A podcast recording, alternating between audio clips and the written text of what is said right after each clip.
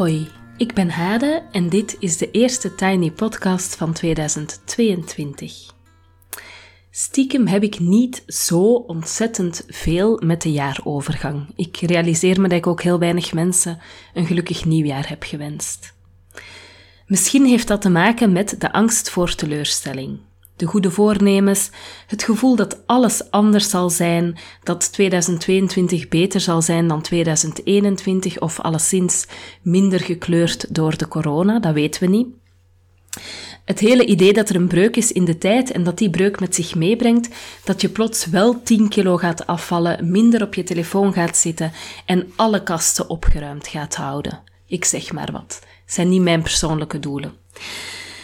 Um, ik ben er een beetje huiverig voor en toch ontsnap ik er niet aan. Vandaag is mijn eerste werkdag van 2022 en voorlopig ook mijn laatste, want hier is een lockdown en een gebrek aan kinderopvang en onzekerheid over de start van de scholen, dus het is absoluut onduidelijk wat de komende tijd gaat brengen. Maar ik heb dus wel heel de ochtend offline doorgebracht met een gloednieuw schrift en ik heb daar allemaal nieuwe plannen in geschreven voor het uh, nieuwe jaar. Vorig jaar deed ik hetzelfde en toen heb ik echt dagenlang gewerkt aan een ingenieus systeem met trackers voor spaargeld, ideeën voor podcastafleveringen, uh, schema's om te leren hardlopen enzovoort. Het geeft een gevoel van overzicht en controle, uh, ook al heb ik absoluut niet alles gerealiseerd het voorbije jaar. Het is wel fijn om het gevoel uh, van controle en overzicht en um, nou ja, dat je tenminste wat plannen hebt, dat is op zich wel fijn om, uh, om daarmee het jaar te starten. Ik start het jaar heel graag ook met mijn beste wensen voor jullie. Ik wens je rust in je hoofd, goede vrienden die dichtbij zijn, gestage groei, liefde, gezondheid en heel veel goeds. De voorbije uh, twee weken kon je hier elke weekdag een incheckvraag vinden waarmee we terugblikten op 2021. Nu zetten we dezelfde reeks verder. Uh, het is een reeks van 15 podcasts met een blik op 2022. Van vandaag checken we dus in met de vraag: welke drie woorden wil jij toekennen aan 2022? Check even in, schrijvend of mijmerend, en daarvoor kan je de podcast best even op pauze zetten. Ik check in binnen enkele tellen aan de hand van dezelfde vraag, dus dan ga ik mijn drie woorden met jullie delen. Tot zo!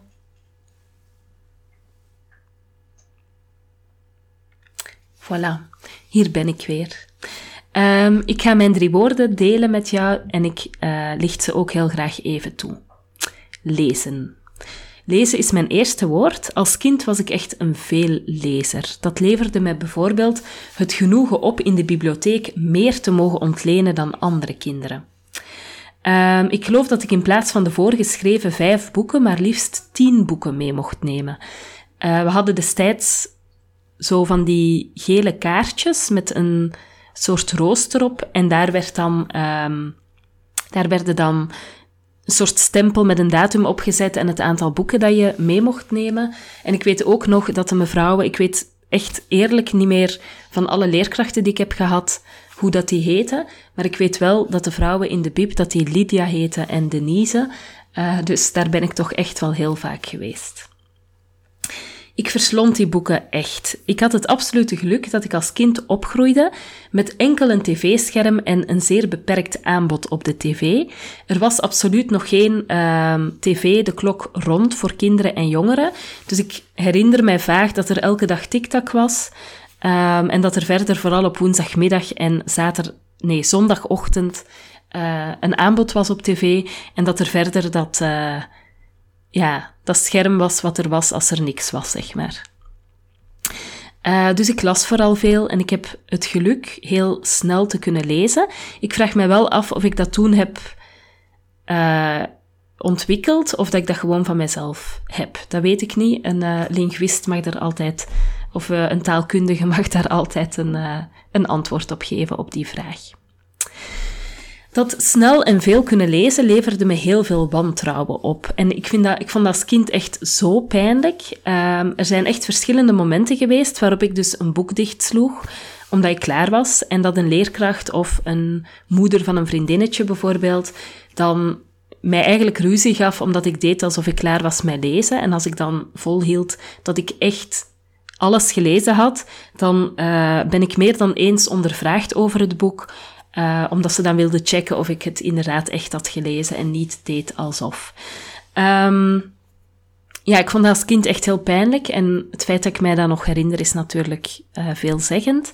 Ik denk dat ik makkelijk op de tijd dat sommige kinderen één boek lazen, dat ik dan makkelijk twee boeken uh, kon lezen. Um, dus ja, het is wel een soort van heel fijn talent dat ik koester. Ik weet dat ik op dit moment heel veel tijd op mij, of heel veel, toch wel wat tijd op mijn telefoon doorbreng. Um, heeft, ik doe geen spelletjes. Um, um, ik doe vooral Instagram eigenlijk.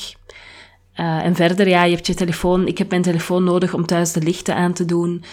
Uh, ik kan met mijn telefoon de verwarming opzetten. Om contact te hebben met mijn oppas.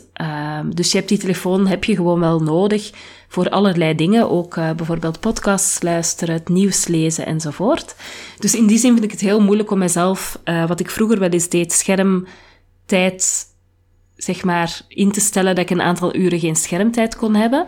Omdat dat mijzelf gewoon, ja, dat past eigenlijk niet in hoe mijn leven toch vaak gebouwd is rond het scherm.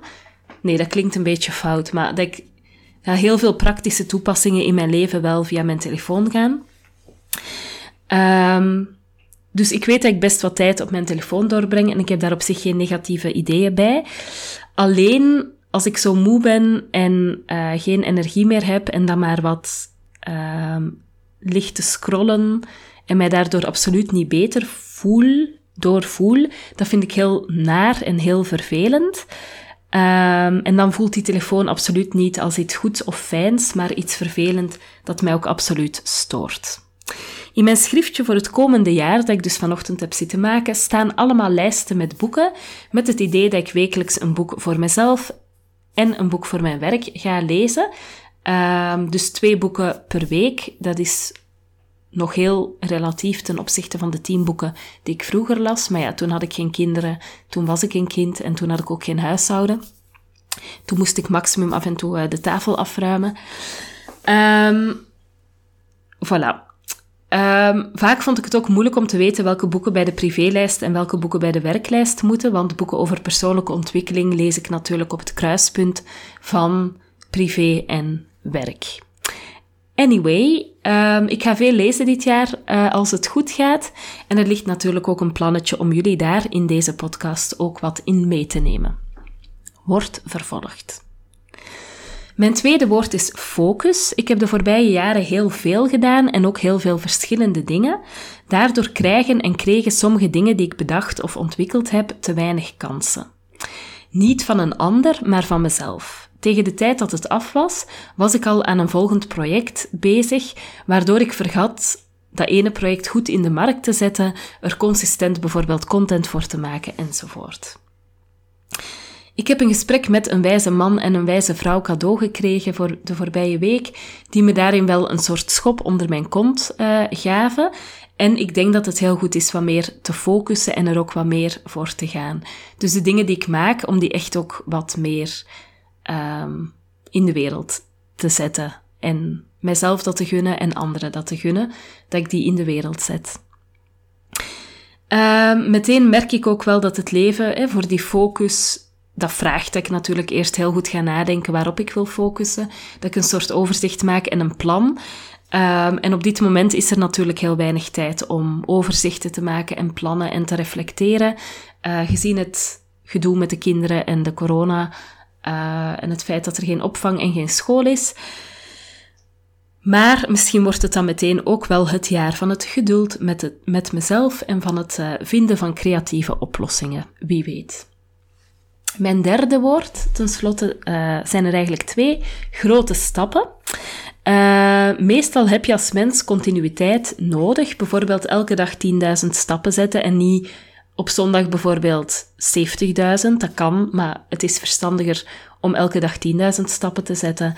Uh, bijvoorbeeld elke dag een hoofdstuk lezen. in plaats van op zondag één boek voor de hele week. Uh, elke dag een kleine gedachte delen in deze podcast. Uh, elke dag weet ik veel wat.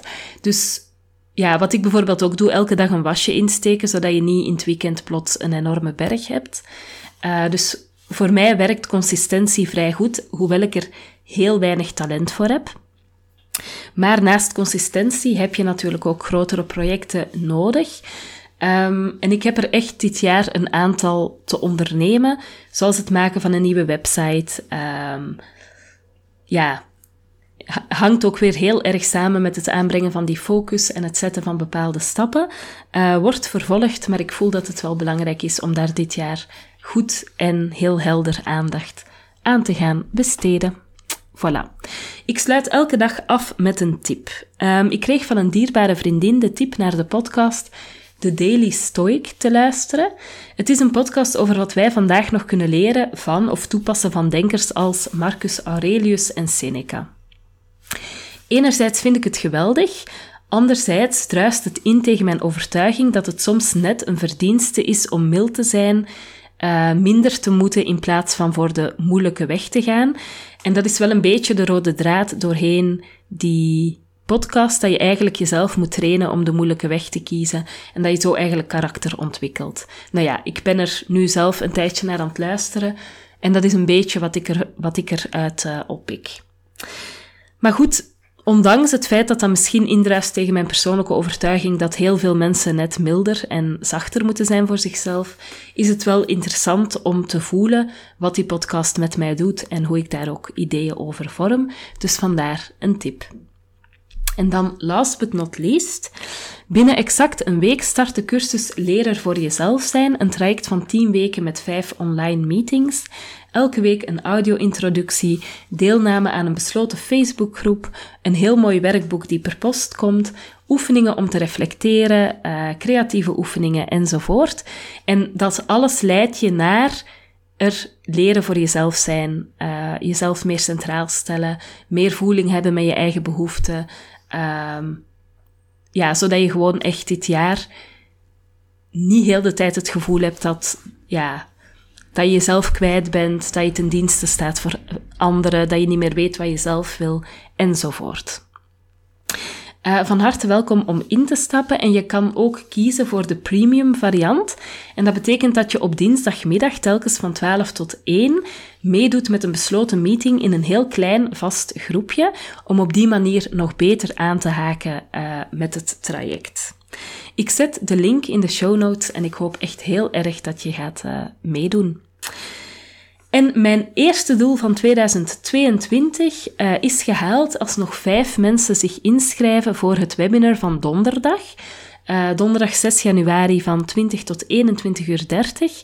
Dan geeft Eva Brumagne uh, een webinar over het maken van een jaarplan. Sluit heel erg aan bij waar we in deze podcast nu mee bezig zijn.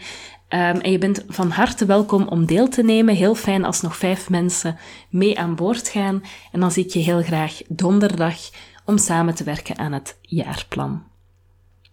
Tot zover voor vandaag. Je kan me volgen op Instagram, TheTinyPodcast. Je kan je abonneren via bijvoorbeeld Google of Apple Podcast in Spotify of in je favoriete podcast-app. En dan krijg je telkens de nieuwste aflevering in je overzicht. Als je de podcast doorstuurt naar iemand die er ook graag naar luistert of hem deelt op social media, dan help je me om de podcast te laten groeien. Voor nu wens ik je een fijne dag, heel veel goeds en heel graag tot morgen.